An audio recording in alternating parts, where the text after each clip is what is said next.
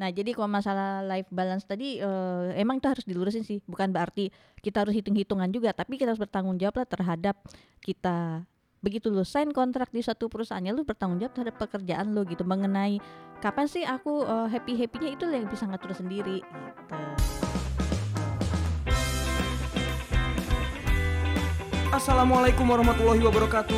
Shalom. Om Swastiastu Namo Buddhaya, salam kebajikan dan Salam sejahtera untuk kita semua. Eh, Manlan, Siap. udah pada selesai kerja belum? Udah dong. Tar Cabutin dulu, tar dulu podcast ini kerjaan juga loh. cerita kan gak lagi Oh buat iya, iya, podcast iya. cuy. Udah, udah, udah selesai, selesai, ngobrol. selesai, selesai, Udah selesai. selesai kerja belum? Selesai. Sudah. Cabut yuk. Udah Ke mana? kelar kan kerjaan lo? Ke mana dulu? Eh lu jangan kerja mulu lah, kita perlu nongkrong-nongkrong biar work life balance. Iyo Senoparty. iya mumpung malam. Jumat. Gaya-gayaan. Oh, Kalau senoparty gue ikut. Cempaka Party? Bisa. Cempak kalau percaya aja biar lebih efisiensi biaya. Siap. Tapi ya ngomong-ngomong work life balance, Hmm, menurut lo work life balance tuh bisa gak sih kita dapetin di ketahuan saat-saat openingnya dibuat-buatnya ya. mau Lu bisa. intinya mau ngebahas masalah work life balance sudah langsung Iya, itu aja kan. Emang itu sebenarnya maksud gue. Ah. Ya guys, jadi kita bahas work life balance jadi udah ya basa-basinya. langsung aja kali ya. Nah, biar langsung efisiensi aja. waktu Hari ini kita mengundang Operasional Bang Sebat, hampir. hari ini kita ngundang langsung atasan gue nih Seldlan. Jadi Widih, ah, bosnya nyoman, bosnya langsung nyoman, directly, langsung, ya. straight to the point. Nah, kenapa kita ngundang eh, atasan gue langsung ini karena simpel sih sebenarnya work life balance kalau dikatakan work life balance banget justru gue emang setuju sama kata-katanya beliau lebih terlihat work banget daripada life-nya karena emang worknya sebanyak itu sebenarnya di kantor. Kayak hampir saat kantor udah sepi bahkan beliau masih tetap ada di kantor itu sering banget pemandangan yang sangat lumrah untuk disaksikan. Oh, berarti lo juga masih ada di kantor ya? Karena bisa ngelihat biasanya kan gitu beliau "Wah, di kantor." bos masih ada di kantor malu ah pulang duluan gitu. Padahal udah pengen pulang kan, Man. Enggak, ibu pasti tahu lah Oke, Gitu ya, jadi nah. hari ini eh, kita udah kedatangan eh, atasan lo di mana? Betul. Luar biasa, ba- bawahan jeans tapi. Oke. Padahal lucu juga ya. Oke, kita sambut Inilah dia Ibu Emi Emi Rosana. Halo Ibu. Halo, terima terima kasih. Terima Gimana kasih Ibu Emi. kabarnya, Bu? Alhamdulillah. Kalau yang Sehat, hari Insya. ini udah selesai juga kerjaannya, Bu? Kalau dipikir selesai nggak akan selesai ya. Nggak akan selesai. Tadi ditungguin sama Nyoman. Oh, parah lu, Man. Ny- Nyoman berani ya sekarang ya. Kita lihat aja kalau di podcast ini Nyoman banyak ngomong kan nih. Dari Biasa- tadi dari biasanya tadi dia bawel, iya, bawel nih. dari agak lebih sedikit pendiam. Kira-kira Nyoman ngomongnya akan lebih sopan atau gimana Hari nih? ini gue harus terlihat intelek nih. Bu coba dong Bu boleh Bu diperkenalkan diri dulu. Bu Emi ini uh, bekerja sebagai apa nih Bu? Saya bekerja sebagai pegawai bank. pegawai BUMN salah satu bank terbesar di dunia dan akhirat. Oh, luar biasa. Ibu bukan yang pertama ngomong kayak gitu. Itu sebenarnya contekan dari bertahun-tahun yang lalu. Belum ganti. Belum ganti loh ya. Bang terbesar Akhirat, dunia ya. akhirat. Luar biasa. Posisinya Bu? Posisinya kalau buat keluar VP ya, Vice Uh, President. Kalau di dalam bosnya nyoman. Kalau di dalam bosnya Nyoman. Unfortunately. Kasihan dia. Ibu. Bu kurang lebih kalau Bu Emi itu setiap hari eh apa berhubungan dengan gimana sih kerjaannya? Eh, kerjanya sebenarnya saya bekerja di sini udah berapa belas tahun ya? Wah, belasan. Udah belasan. 2003. Sekarang 2019. 16. Berarti 16, 16 tahun ya. hampir 16 tahun 20. ya. 16 tahun, 16 tahun. Ya kan 16 tahun ya benar betul. 16 tahun. Mayoritas sih memang eh, 15 tahun dihabiskan di wholesale ya, di bidang wholesale. Wah, wholesale di kantor kita kan kayak kita. Di kantor kita kan wholesale itu untuk eh, jen- untuk pembiayaan kepada korporasi maupun ya sekarang ada di ya kelembagaan kementerian. Intinya sama lah ya. Hmm. Inti pekerjaannya adalah eh, mencari keuntungan sebesar-besarnya dengan Dengan biaya biaya yang kecil-kecilnya. Prinsip ekonomi. Iya. Nih buku bukunya Mendapatkan- sama nih. Targetnya itu ya rata-rata ya kredit dana fee based gitulah intinya. Oh, Oh gitu. bank, bank banget. Jadi bisnis ya eh, kerjanya pun untuk di bisnis unit gitu ya, ya. di bisnis unit yang setiap hari harus bertemu dengan berbagai macam orang. Gitu Oke. ya. Terus kalau nggak salah Ibu juga udah pindah-pindah ke banyak tempat ya, Bu? ya? Sebenarnya ya eh, pindahnya itu sebenarnya kerjaannya hampir sama. targetnya itu sama, da, apa kredit dana fibes sama. Hmm. Eh, cuma berbeda-beda sektor saya sektor-sektor sektornya misalnya hmm, di itu ya dulu ada kontraktor ada listrik ada eh, sektor keuangan yang sekarang sektor keuangan terus ada juga yang kementerian Oh jenis Oh. nasabahnya Iya, jenis berbeda-beda nasabahnya gitu ya. ya. Bu, tapi. Bu kalau misalnya Ibu kalau nggak salah pernah di cabang juga kan ya Bu ya? Jadi kalau kita dulu pendidikan setahun kemudian dilempar lah ke cabang gitu. Dilempar ke cabang itu satu tahun di cabang kita harus menjadi frontliner atau eh, kebetulan juga di waktu di cabang yang lain jadi frontliner, saya itu langsung ditaruhnya di kredit juga gitu. Oh. Tapi setiap di cabang itu ada yang cuti melahirkan, cuti haji, selalu saya menjadi alternate-nya ya. jadi jadi selama ya, ya? ya, selama setahun itu sudah mengelilingi semua cabang di kota tersebut gitu. Luar Kota biasa. mana tuh? Kota mana bu kalau boleh tahu? Pontianak. Wow, Kalimantan. Barat. Ya. Jadi selama setahun ibu ditempatkan di luar Jakarta. Mm-mm. Hmm. Kita dulu hukumnya kayak gitu, setelah itu eh, balik lagi aturannya seperti itu balik setahun kemudian kembali ke Jakarta atau ke mana yang kita akan ditempatkan lah gitu. Eh, jadi gantinya penempatan dengan- tetapnya ya Bu. Mm-mm, penempatan tetapnya. Jadi eh, menurut sih itu memang bagus. Jadi kita tahu karena kita kerja di bank, jadi kita tahu ya dari mana sih uang itu datang gitu. Oke. Dari mana uang itu datang dan lu di situ tiba-tiba menjadi seorang officer di mana di mana pelaksana lu lebih senior dari lu gitu kan. Hmm. Jadi tiba-tiba lu yang harus tanda tangan, ini apaan yang ditanda tangan gitu.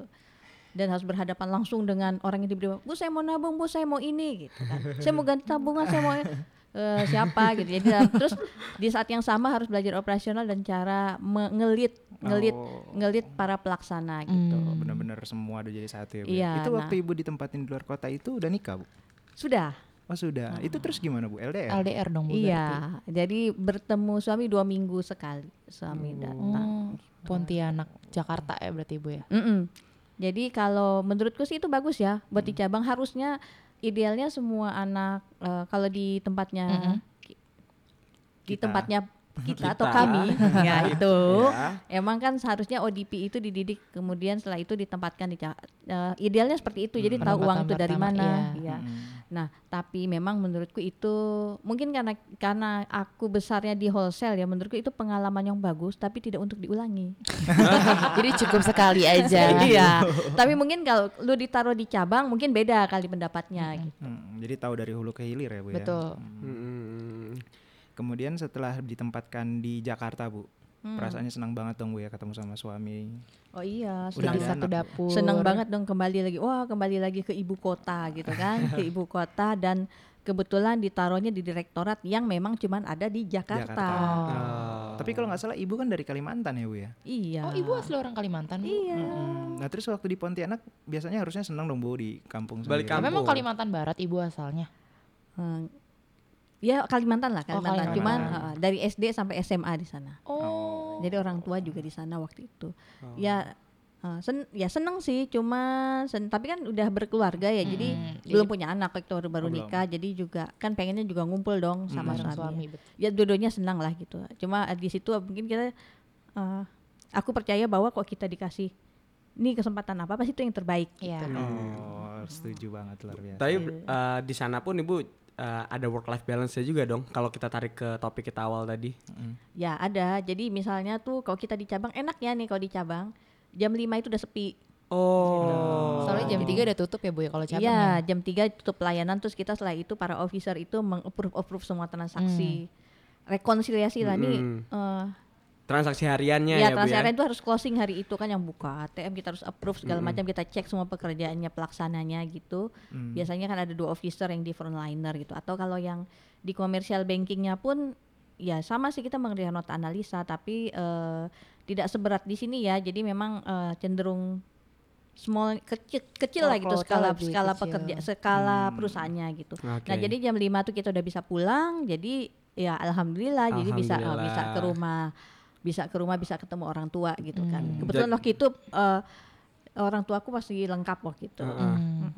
Jadi tanpa perlu cari cari celah itu Udah yang namanya bisa. work life balance tuh muncul dengan Muncul sendirinya. dengan sendirinya. Nah, Bu, eh, sebelum kita loncat lebih jauh dengan cerita-ceritanya Bu Emi, eh, kebetulan Michelle udah siapin fakta-fakta tentang work life balance yang Hmm. udah disiapin ya masih Michelle. Tips and trick. Tips ah tips and trick. Tips and Kali ini tips and trick. Oke. Oke. Untuk itu Langsung kita aja. langsung masuk Kita ya masuk ke ke segmen. segmen FBI Fakta Bunda Icel.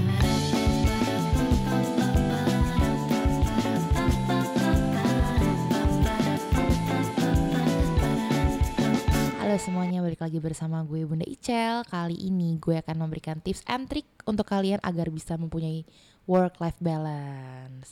Jadi tips and trick kali, gue kali ini lagi-lagi gue ambil dari Glints ID nih. Sebelumnya kalau kalian pernah denger podcast kita yang sebelumnya, gue juga sempat nge-mention Glints ID karena menurut gue eh, eh, postingan-postingan dari Glints ID ini sangat bermanfaat nih, sangat related terhadap kita sebagai pekerja di dunia kerja lah. Nah lanjut aja ya.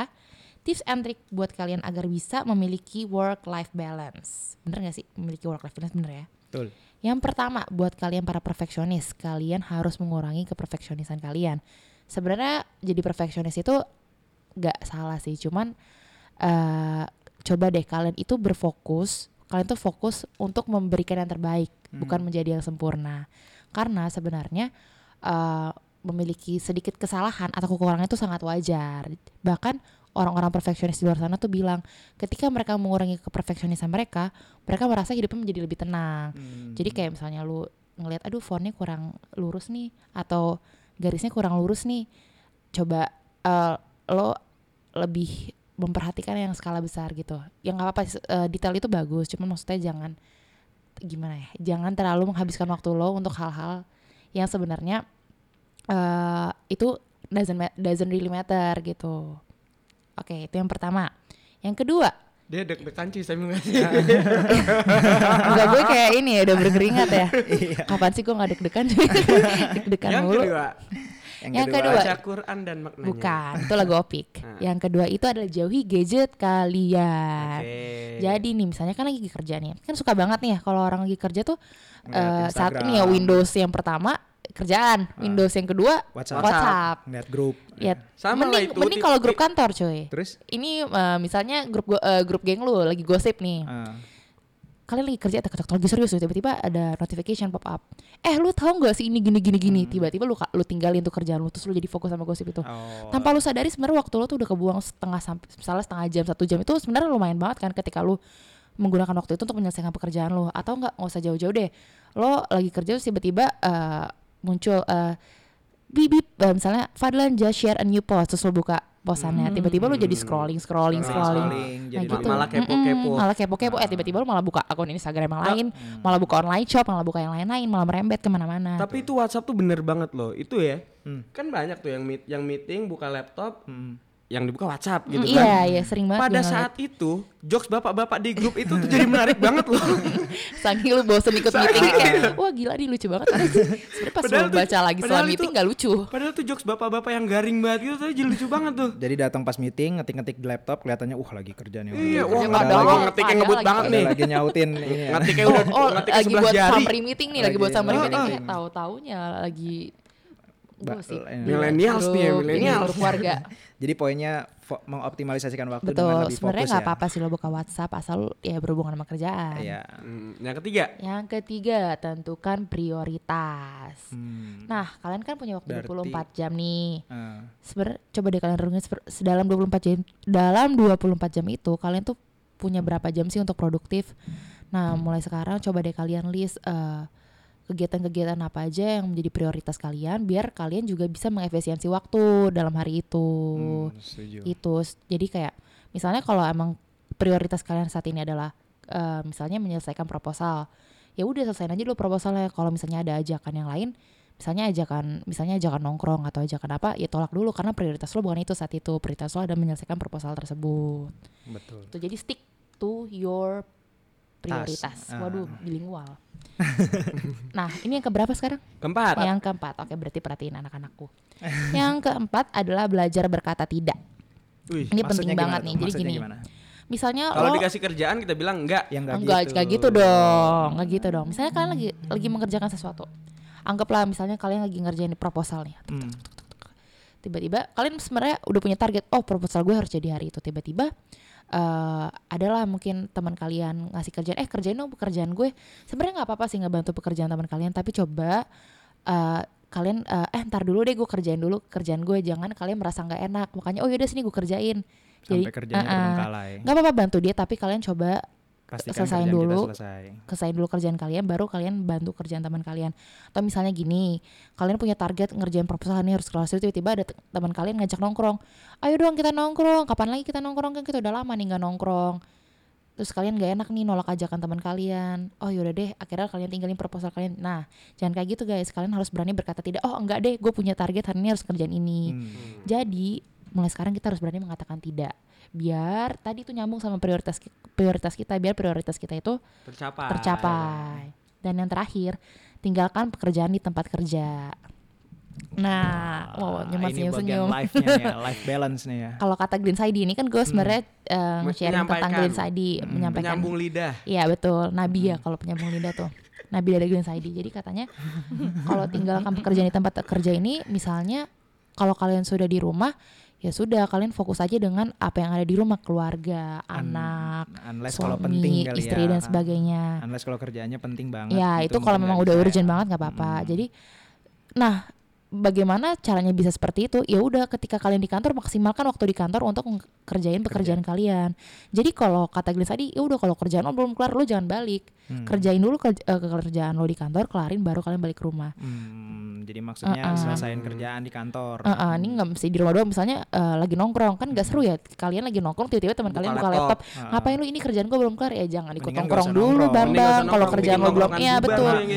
Jadi nggak asik. Jadi kalau emang kerjaan kalian belum kelar ya jangan ikut nongkrong. Ke- sekalinya pun nongkrong tetap nongkrong gak ngerjain di laptop juga pas kerjaan belum kelar pasti kepikiran, Kepikiran. kan? Iya, Iya, malah jadi moodnya nggak dan enak itu sama sel lo inget gak sih yang waktu kita bahas di podcastnya Bunda Inu Yang mana? yang Oh, tips and iya, triknya dari Sri Mulyani. Bu Sri Mulyani Iya. itu kan eh, selalu eh, give the best di kantor Iya. supaya nggak perlu dibawa ke rumah supaya nanti eh, udah spending Betul. berapa jam di kantor yang Betul. udah maksimal gitu kan tuh lo udah menghabiskan sekitar tuh. 8 jam di kantor eh, 8 jam di kantor which is lo 8 jam gak bersama keluarga lo ya udah dalam 8 jam itu lo berikan yang terbaik usahakan yang maksimal gitu jadi pas udah di rumah Betul. Bisa selesai ya Betul. bisa fokus Pas sama main keluarga nggak harus mikirin atau fokus sama teman kerjaan, ketika pas lagi nongkrong kerja nggak harus mikirin main Nah, Betul. berikut nih tips. Nah, sekian tips and trick salah berikut ya, salah berikut saya salah sebut.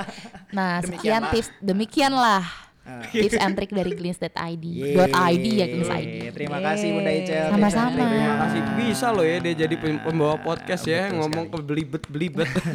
Nah sekarang kita kembali lagi ke Bu Emi. Gimana Bu Emi? Setuju nggak Bu Emi dengan konsep dari work life balance yang di state Sampai- oleh Glins? Glimpse.id. Glimpse.id. Glimpse.id. Gimana Bu Emi? Sebenarnya sih kalau menurut, ayo memang ada beberapa tadi yang eh, sudah aku terapin juga. Sebenarnya Hmm. gue juga nggak baca-baca banget tuh di antara semuanya. Intinya sebenarnya kalau menurutku itu tergantung hmm, ide, bukan idealis ya, integritas kita aja gitu. Jadi kalau kalau kalau aku punya prinsip bahwa selama kita bekerja di satu tempat, kita begitu sign the contract, berarti lo harus bertanggung jawab atas semua pekerjaan lo di situ. Apalagi lo masih mau menerima gajinya, gitu Hmm. kan? Ya udah lo harus bertanggung jawab terhadap yang sudah lo tanda tangani tersebut, gitu. Em, kalau mengenai pekerjaan, emang itu nggak akan ada habisnya kan. Jadi Betul. memang kita pertama kita harus bisa mengkat mana yang eh, memprioritaskan, mana yang prioritas, mana yang enggak Mm-mm. gitu. Terus em, yang kedua, eh, kalau kita memang sudah keluar kantor, aku punya prinsip kalau udah keluar kantor begitu sampai di lobi, biasanya lobi selatan ya, lobi selatan gitu. Ya udah lupakan aja semuanya gitu. Udah saatnya membuka IG, melihat online shop dan ya, lain-lain. Ya. bingci. Nggak boleh ya. Iya, kalau sudah kira-kira udah sebulan nih gua nggak ada online shop yang datang, ah hidupku udah nggak asik banget gitu. Ada yang salah. Hidupku Ada yang salah gitu. Ada yang salah. begitu sampai di rumah ya kita memang harus fokus dengan eh, apalagi aku udah punya anak-anak dan dengan anak-anak gitu ya dengan keluarga.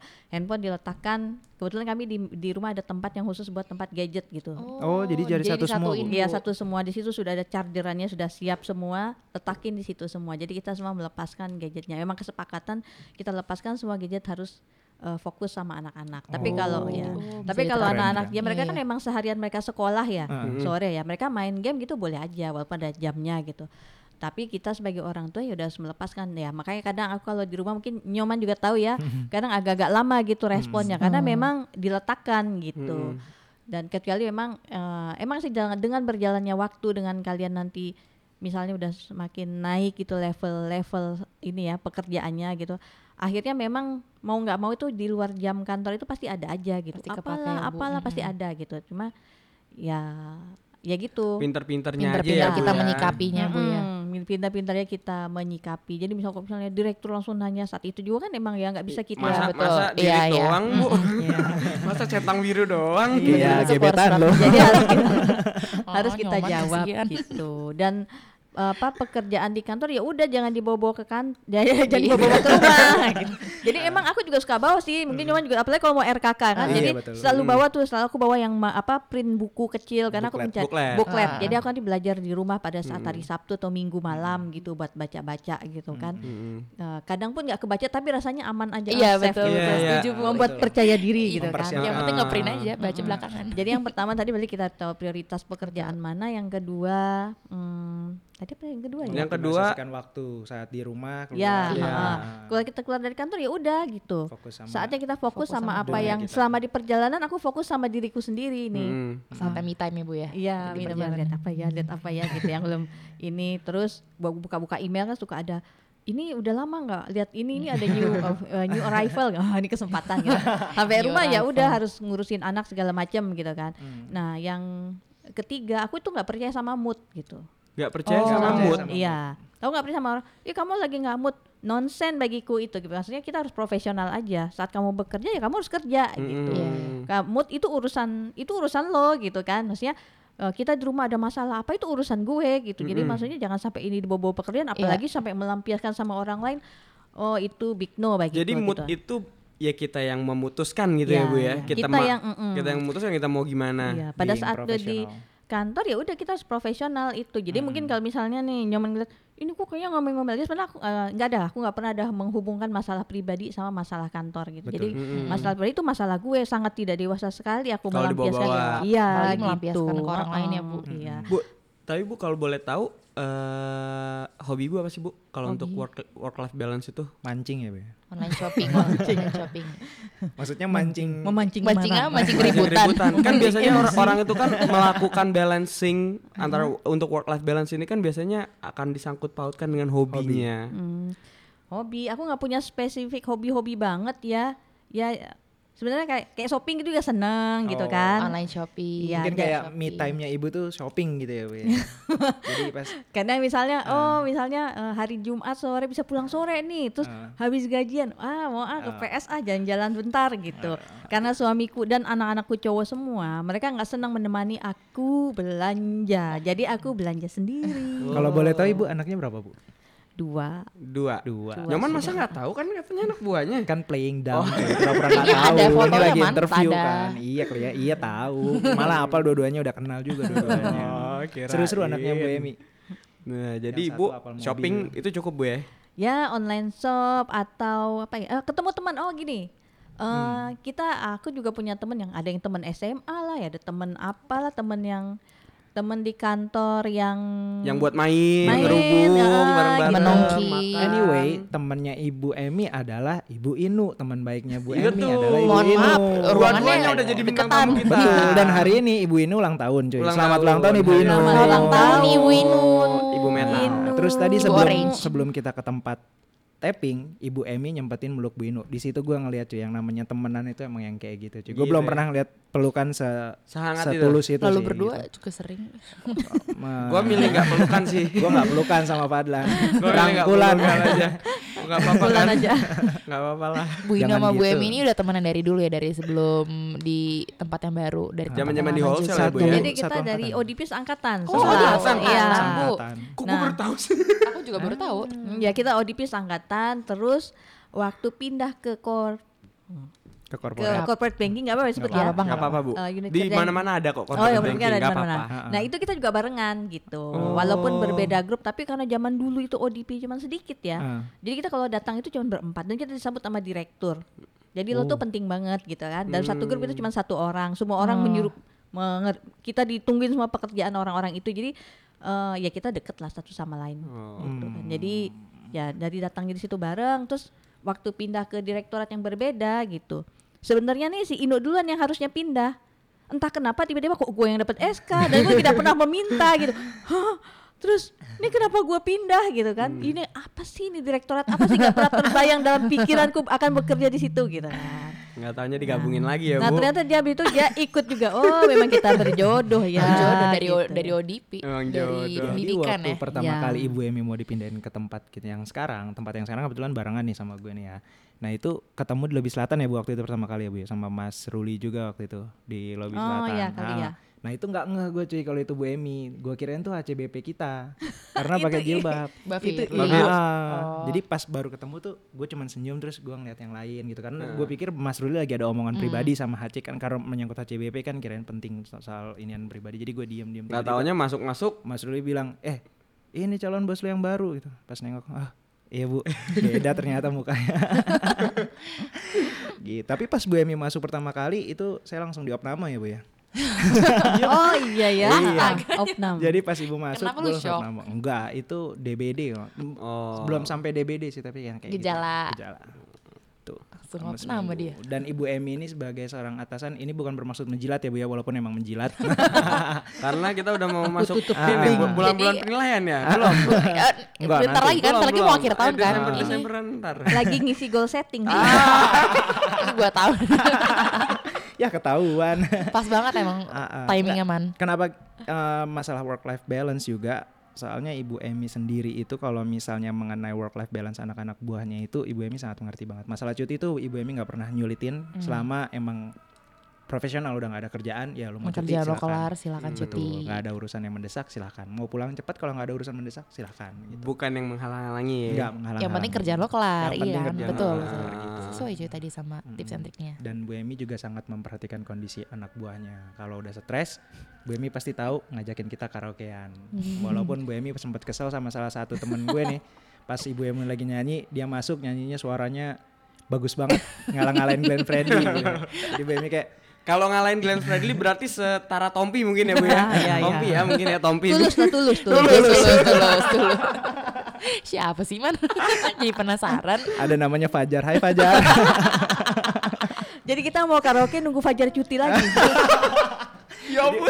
Waktu Fajar lagi honeymoon, ayo kita karaokean mumpung Fajar lagi cuti. Lagi proses bu. Suatu saat suaranya akan bagus. Iya. Semua itu kan tentang Positif prosesnya Betul. aja. Kayaknya dia pelampiasan mau nikah waktu itu kan. Benar. Oh jadi jadi de- departemen kalian kalau mau karaoke harus nunggu Mas Fajar cuti dulu. iya. Dasar. Seseru itu kan pokoknya entah sekarang. cuti, entah perdin, entah training apalah. Yang penting gak ada dia pas karaoke. Mm-mm. Atau Hmm, kasihan dia. nunggu istrinya manggil dia. Mas Fajar pulang nih. Ayo kita karaokean. Dadakan deh. gitu. Itu ada grup yang tanpa Fajar nggak tuh? Jangan-jangan ada grupnya. Gitu. Nah, setelah jauh melalang buana omongannya, sekarang kembali lagi. Nah, Bu, satu nih Bu yang pengen kita tahu nih Bu. Sekarang teman-teman kita yang milenial tadi bukan bilang masalah mood nonsens banget kalau kita bawa-bawa mood ke kerjaan ya Bu ya. Justru kalau itu kita lebih banyak net bukan dari atasan ya gak sih teman-teman?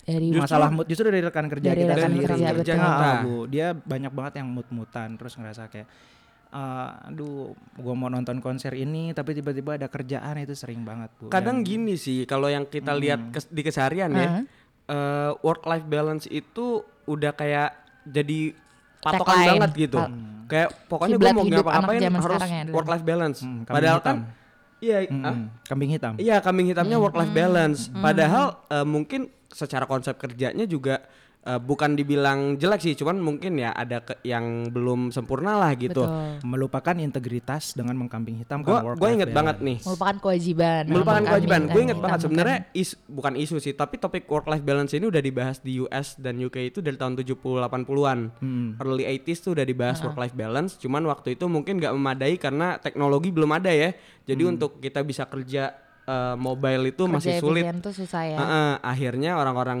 zaman waktu itu masih mengedepankan yang namanya etos kerja Hmm. gitu. Nah setelah etos kerja early 20s tuh mulai dikeluarin yang namanya passion kerja dengan passion. Nah tapi sekarang setelah fasilitas ada barulah work life balance itu digaungkan lagi. Nah tapi kayaknya eh, beberapa orang nih salah mengartikan work life balance. Jadi kayak dia menganggapnya work life balance oke setengah lima gue Pulang. udah harus Pulang. pulang gitu. Nah itu No banyak sih ya, yang kayak gitu emang. Banyak. Itu gimana tuh Bu tanggapan Ibu mengenai teman-teman kita yang seperti itu Bu?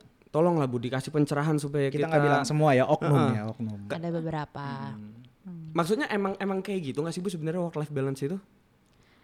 Hmm, sebenarnya sih kalau menurutku ya, ini prinsipku sih kalau misalnya work life balance itu sebenarnya bukan berarti ya kayaknya sekarang banyak pemikiran ya kan gue udah kerja sampai setengah lima ya udah sekarang lu harus ngerti ya gue harus mau happy happy nih Iya gitu nih, kan ini reward Iya, buat Ah, gitu kan. iya, Banyak banget yang kayak gitu Iya. Bu. Sebenarnya sih kita harus ber, eh, gini aja, kita kembalikan ke diri kita per- perta- apa apakah tanggung jawab kita udah selesai gitu kan ya. Maksudnya yang yang yang harus selesai hari ini udah selesai belum gitu. Sebenarnya kan work life balance itu nggak mesti berarti setelah ini gue pulang gue happy happy ya gitu. Ya terserah happy happy lu kan beda beda ya. Ada yang misalnya eh gue maunya lembur nih semingguan ini terus gue mau cuti soalnya gitu kan ya udah Hmm. silahkan aja gitu kalau menurutku sih gitu bukan berarti eh gue segini ya nanti gue mau happy happy nih lo harus ngerti dong bos gitu kan kan kayaknya gitu ya kalau sekarang ya Iya, Gila, berani iya, banget iya, ngomongnya gitu. kayak gitu. Lu harus ngerti dong, Bos.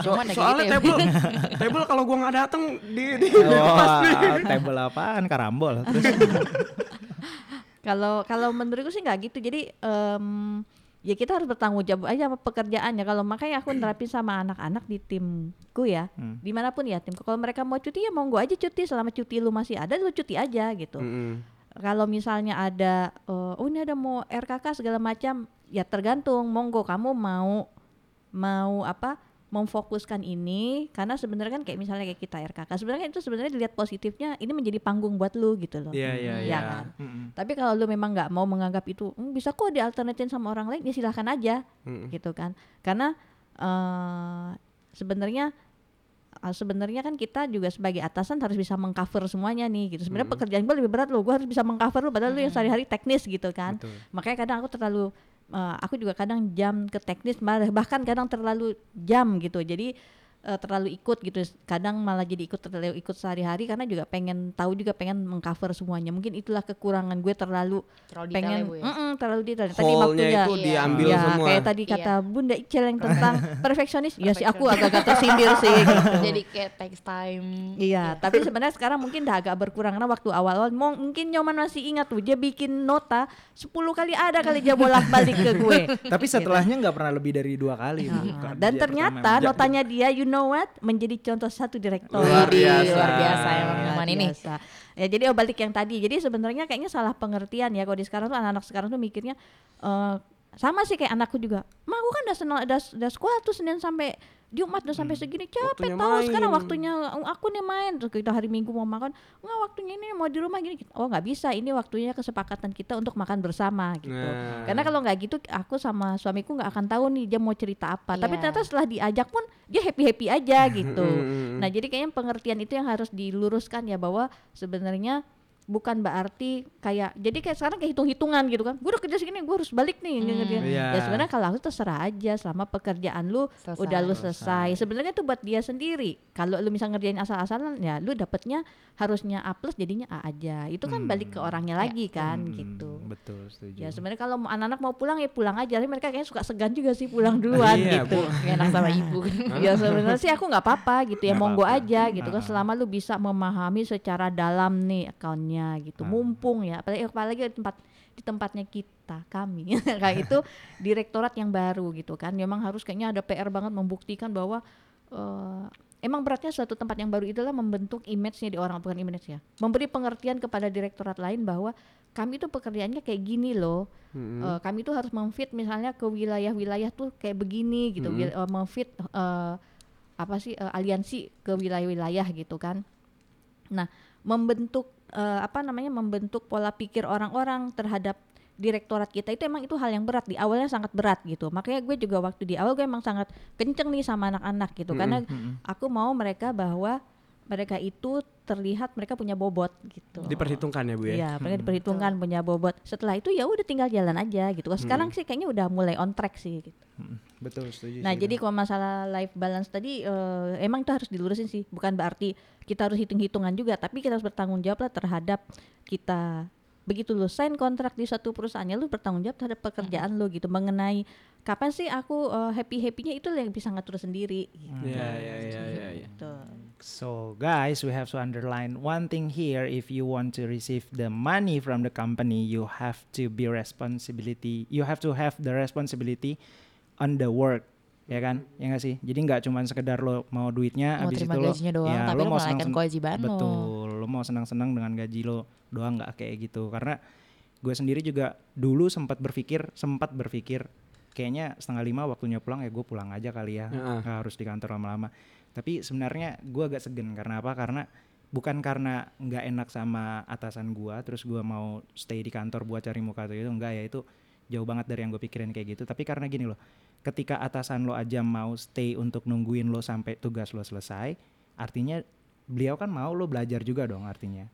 Kenapa lo malah jadi orang yang mau diajarin, malah cabut duluan karena lo nggak mau belajar? Karena apa? Mungkin manfaatnya nggak terasa sekarang. Iya, iya. Tapi kayak gue betul, gue pertama-tama datang jujur aja ibu ya ibu waktu baru pertama datang tuh gue berkali-kali di uh, apa di drill sama ibu tuh benar-benar ngerasa kayak waduh gila berat banget gitu dibandingkan sama kehidupan kerja yang sebelumnya. Tapi sekarang gue lebih ngerasain karena apa? Karena ketika orang-orang ketemu gue, mereka memandang gue bukan sebagai seorang nyoman yang dulu mungkin dianggapnya masih suka main-main gitu. Tapi sekarang uh, mereka tahu kalau ya nyoman lembur karena kerja bukan Udah karena beda ya, udah ya, beda. nyoman lembur bukan karena dia cuman sekedar main-main atau ngarepin makanan KFC dapat dua potong Nah, atau Voucher dua potong. taksi. Terus Gitu. eh, apa ya, lembur yang dibayar itu sekali lagi kita sebut lembur yang dibayar. Nah, and being perfectionist is not wrong at all. Kenapa? Karena Lo in berarti the di first situ- time Mm-mm. you have to be perfect first. But at the end of the day, emang ketika lo udah tahu bagaimana caranya do it perfectly, sisanya itu ya lo tinggal perhatikan hal-hal yang lebih luasnya gitu. Ini bintang tamunya Bu Emi apa nyoman sih? iya nih kayaknya Gara-gara- nyoman harusnya. Emang beda, Bu. Dalam rangka mau penilaian bu. Jadi Nah. Nah, mau penilaian jadi gue show Tapi- off dulu. Tapi susah juga nyoman kalau ditanyain work life balance, balance gak? Pacaran masih? Balance. menurut gue balance sih. Ah, cuman work, work life banget. balance lo apa? Gini, kalau orang Bali bilang dengan ada nawa bisa depangnya dan ngadanin. Jangan orang Amin. jangan kita yang menilai tapi biar Amin. orang lain menilai. Menurut lu gimana, Sel? Menurut gue balance banget nyoman. Kenapa? Iya. Eh satu dia masih bisa bikin, ngurusin podcast. Podcast, podcast is- Satu. itu work life balance kita tuh. dan maksud gue di sela-sela pekerjaan pun eh, kayak misal dan di sela-sela pekerjaan pun sam- di saat dia lagi bikin NAK dia bisa tuh sambil mikirin kontennya apa tetap ngejawab grup. Dia tuh gue salut banget sih sama dia. Kan yang gak jawab iya gue bahkan gue nggak pun menurut, eh, menurut gue eh, menurut gue yang bahkan menurut gue yang workload gue yang lebih kecil dibanding nyaman apalah workload gue dibanding nyaman dan dia masih bisa mengcover itu semua gitu. Masih bisa dan cover di ya? situ kayak gue Bu ini gitu sama ini nyaman sumpah nggak di setting ya, Nggak, Bu, Bu. nggak, Bu. Iya. iya. ini kesannya tahu, tuh tahu. kayak kesannya jadi kayak ini gue setting. tapi gue gue beneran salut sama lu sih, Man. Oh, kayak di saat salah satu pekerjaan, di aja. satu lagi aktif pekerjaan, lu masih bisa eh, mikirin ide-ide tentang podcast gitu. Meanwhile kayak gue cuma silent reader. Mm-mm, John John baca, tau-tau di ujung, oh gua setuju. Oke, jadi balik kita balikin lagi ke topik awal kita untuk work life balance. Mungkin buat para pendengar, eh, tadi ada udah udah udah ada beberapa sharing-sharing dari Bu Emi yang pasti ada juga tadi sharing-sharingnya dari FBI dan mungkin sih Nyoman agak agak menyimpulkan sedikit aja sih. work life balance itu it's not about main doang gitu. work life balance itu it could be anything. Kayak kalau tadi Bu Emi uh, mungkin shopping, kalau gua mungkin sekedar ngegulung kabel di studio itu gua udah work life balance banget buat gua. Atau mungkin uh, ada juga teman gua bahkan yang uh, gue di kosan dengan gua ngetik sambil ngetik-ngetik bikin presentation. Tapi kalau misalnya buat dia itu menyeimbangkan kehidupan dia, itulah work life balance gitu sih. Setuju, Jadi betul. jadi jangan terkotakan dengan kata-kata work life balance lah. Millennials nggak se- nggak sekecil itu kotaknya. Betul. Luar Cie. biasa. Yang penting itu bukan milenial atau kolonial, tapi profesional. Profesional. Dan jangan kemakan Satu sama kata-kata balance ya. Balance itu bukan berarti sama. Tapi dua-duanya selesai Terpenuhi. dengan ah, ah, dua-duanya selesai dengan baik gitu, bukan Oke. sama. Betul, betul. So Gimana Bu Emi? Setuju ya Bu Emi ya? Ya, s- setuju. setuju. Jadi kayak misalnya ketemu teman-teman lama ya, teman-teman ke- masa kecil itu juga ada work life balance. Biasanya kalau hari Jumat malah aku ketemu teman-teman sih, ada teman SMP, teman SMA aja lucu aja gitu. Jadi oh iya ya gitu, ada Ah. hal-hal lucu-lucu yang lu ini Ngobrol-ngobrol. ngobrol gitu. Oh, dan Seru satu lagi. Bu. Emi, Bu Emi punya konsep gini ya Bu ya. Kalau misalnya emang ada waktu kerja yang nggak sengaja termakan oleh hal-hal di luar kerjaan, biasanya Bu Emi berkomitmen berarti nambah exposure dan nambah jam kerjanya ya Bu ya. Itu lebih ke ini aja sih, ke lebih ke tanggung jawab pribadi gitu. Jadi aku Ah. tuh nggak mau korupsi waktunya. Jadi bagiku misalnya aku makan siang ketemu teman ternyata oh sampai jam 2 gitu. aku pasti akan mengkompensate dengan waktu eh, tambahan di akhir pekerjaan lah gitu karena oh gue udah makan waktu jam kantor tadi gitu karena Hmm. adalah ketemu temen atau apa yang entah dari antah berantah eh ketemu gitu kan Hmm. jadi emang harus aku ganti karena aku nggak mau nanti di akhirat gue ditagihin Ditanyain "Lu ya gue. oh, udah ini udah terima gaji ini cuma tujuh tujuh setengah jam doang nih. Ini nggak 8 jam nih, tujuh setengah jam nih. Luar biasa. Oke, jadi eh, itu tadi eh, podcast kita hari ini mengenai work life balance. Eh, once again, thank you Bu Emi udah hadir kasih, dan sharing-sharing Terima kasih, Bu Emi. ceritanya. sama-sama Semoga bisa menginspirasi para pendengar kita. Iya, Ada lagi Bu yang mau disampaikan? Sebenarnya sih menurutku aku juga nggak balance. Tadi udah ada disclaimer sih di awal sama Nyoman ya. Sebenarnya aku work life balance aku juga nggak balance menurutku ya. Ah. Nggak tahu menurut Nyoman kayaknya men- menurutku sih nggak juga gitu. Jadi mungkin gue juga bukan contoh yang baik untuk work life balance tapi mungkin contohnya itu tadi bahwa eh, balance itu nggak mesti dengan lo happy happy kayak anak sekarang pikirannya oh yang penting gue nongkrong nongkrong tuh nggak mesti kayak gitu. Online shop aja bagiku udah sangat oh gitu. Terus datang datangnya si online shop itu aja tuh udah wah udah seneng banget gitu kan Unpacking. ya jadi eh, ya itu Unboxing. gitu ya itulah iya, intinya dan lu harus cuti itu harus cuti itu wajib tuh cuti wajib, cuti wajib. Gitu ya Bu ya.